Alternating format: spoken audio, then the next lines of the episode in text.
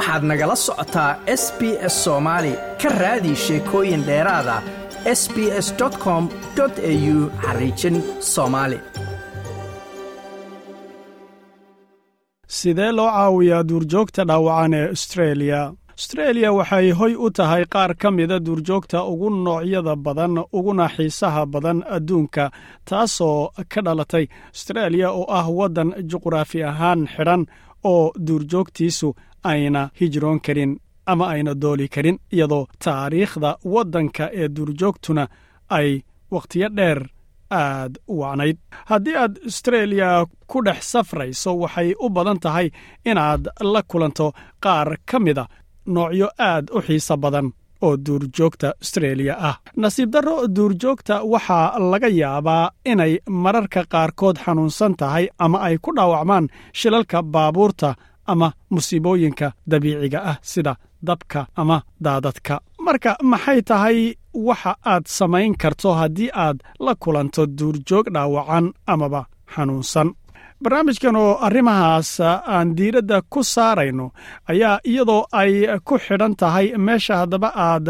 ka joogto waddanka astreeliya noocyada duurjoogta laga yaabo inaad aragto way kala duwanaanaysaa iyadoo loo eegayo muuqaalka dhulka cimilada iyo deegaanka aad joogto. Waxaa jira shimbiro kala duwan oo aad u badan naaslayda kuwa biyo iyo bannaankaba ku noolaan kara iyo xamaaratada oo ay ku jiraan noocyada masaska sunta leh iyo kuwa aan sunta lahayn ee astreeliya ku nool. Dhanka gobolka waqooyiga waxaa laga yaabaa inaad aragto shimbirta iimuda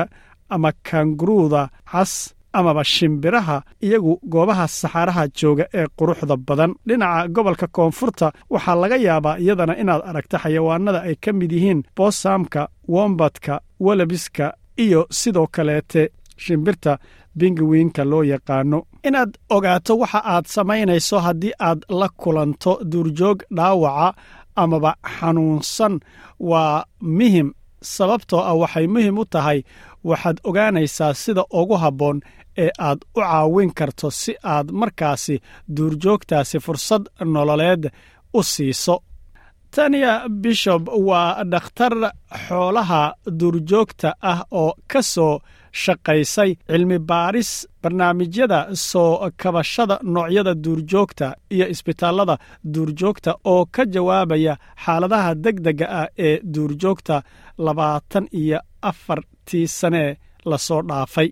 Hadda waxay u shaqaysaa macluumaadka duurjoogta badbaadinta iyo adeegga waxbarashada ee wayars lagu soo gaabiyo ahna ururka ugu weyn markay noqoto samata bixinta iyo xanaanaynta duurjoogta iyo cilmi baarista ee astreeliya Whilst driving in Australia, it's not unusual to see wildlife from the car, especially in rural waxay leedahay markaad ku dhex socoto astreeliya ma aha wax aan caadi ahayn in baabuurka laga arko duurjoogta gaar ahaan meelaha miyiga ah iyo gaar ahaan waaberiga iyo maqribka marka ay duurjoogtu dhaqdhaqaaqa samaynayaan. Haddii aad duurka tamashlayn u tagtid ama aad beeraha qaranka aad ku dalxiistid waxaa jira fursad wanaagsan oo aad kula kulantid duurjoogta. Marka haddii aad aragto duurjoog dhaawacan ama xanuunsan. Taniya waxa ay leedahay. This could range from a local veterinarian or local council ranger to a telephone wildlife care helpline, or there are also mobile apps tani waxay u dhaxayn kartaa dhakhtarka xoolaha ee deegaanka ama golaha ilaaliyaasha deegaanka ilaa khadka caawinta daryeelka duurjoogta ee telefoonka ama waxaa kale oo jira aabyo telefoon kuwaas oo kugu xidhiidhin kara ururka samata bixinta duurjoogta kaas oo badbaadin doona duurjoogta oo qaadan doona si ay u hesho daryeelkeeda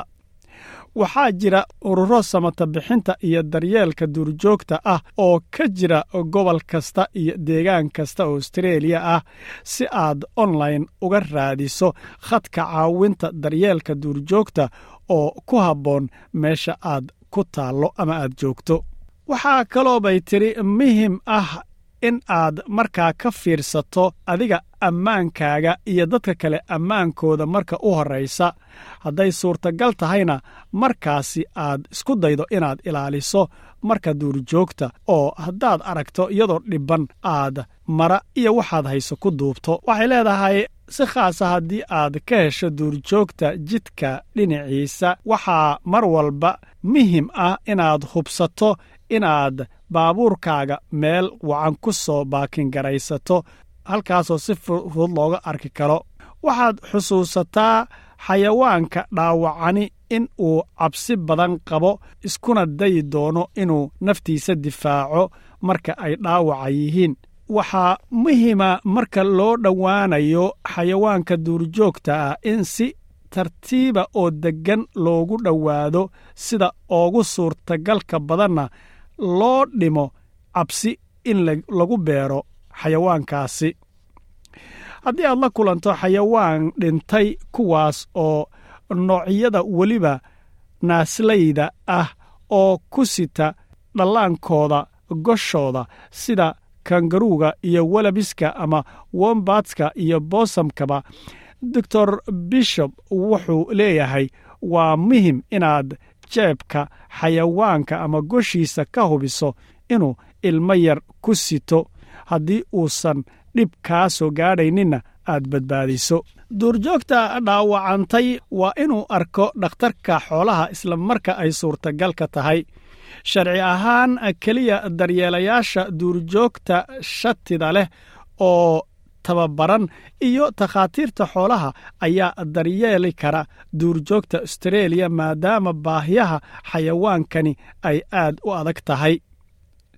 morgan filbot waa daryeelo duurjoog oo ka tirsan hay'adda wairis la yidhaahdo kaas oo ku qaatay in ka badan toban sano caawinta daryeelka duurjoogta dhaawacan iyo kuwa jiranba isagoo si gaarana u daneeya daryeelidda iyo baxnaaninta kuwalaska. Waxa uu sharaxayaa waxa dhaca marka qof ka mida dadweynuhu uu soo waco adeegga badbaadinta duurjoogta on our phones, we'll get a, a message notifying us of, of the rescue. And if we are able to attend, then we will hit the attend button and then we'll waxa uu yidhi waxa aan annagu marka aan nahay dadka badbaadiyaasha ku helaa fariimaha teleefoonkayaga markaasna nalagu siiyaa meesha dhibku ka jiro. Annaga haddii markaasi suurtagal tahay inaan halkaa gaadhno markaaba waa aan bilownaa inaan dhaqaaqno annagoo ka qaadanayna markaa tafaasiisha qofkana soo wacay. Inta badanna waxa aan sidoo kale xidhiidh la samaynaa xaruntayada oo sharaxaad dheeraada u samaynaa si caawinta aan u baahannahayna naloo siiyo. Xayawaanku dhab ahaantii waxay u baahan yihiin baahi deg degana u qabaan in isla markaa dhibaatooyinku ay ku dhacaanba ay arkaan takhaatiirta xoolaha si loo qiyaaso dhibka haysta dhinaca kale xayawaanada dhibaatadu ay soo wajahdo sida doctor bishop uu sheegayo nasiib darro qaar ka mida duurjoogtaasi ma awoodaan in la sii daayo oo marka ay caafimaadaan la sii daayo amaba la badbaadiyaba isagoo hadlaya waxa uu yidhi wax laga xumaado xayawaanada ama duurjoogta qaarkood taasoo dhibaatooyin adag ay ku dhacday amaba cudurro aad u daran ay haleeleen. Waxaa laga yaabaa in loo baahdo in nolosha looga raaxeeyo. Laakiinse dhanka kuwa ay suurtagalka noo tahay inaan caawinno howlaha dib u soo noolayntooda waxa ay noo tahay howlo aad iyo aad noo dhiirageliya noona abaalmariya si aan la qaadan karin marka laga eega farqiga aan u samayn karno noloshooda dareenka waxaa ku celceliyey daryeelaha duurjoogta master filbot kaas oo aad u xiiseeya caawinta duurjoogta u gaarka ah astreeliya isagoo hadlayana waxa uu yidhi The reason that we keep doing it is an overwhelming passion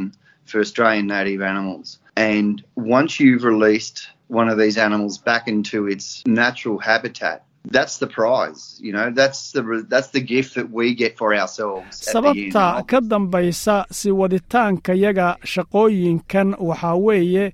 hanqaltaagayaga aadka u weyn xayawaanada astreeliya ee asalka u ah isla marka aan sii dayno mid ka mida xayawaanadaasi oo iyagoo markaa caafimaaday buu ka wadaaye ayna ku noqoto xayawaankaasi deegaankiisii dabiiciga ahaa taasi waa abaalmarin sidaaad og tihiin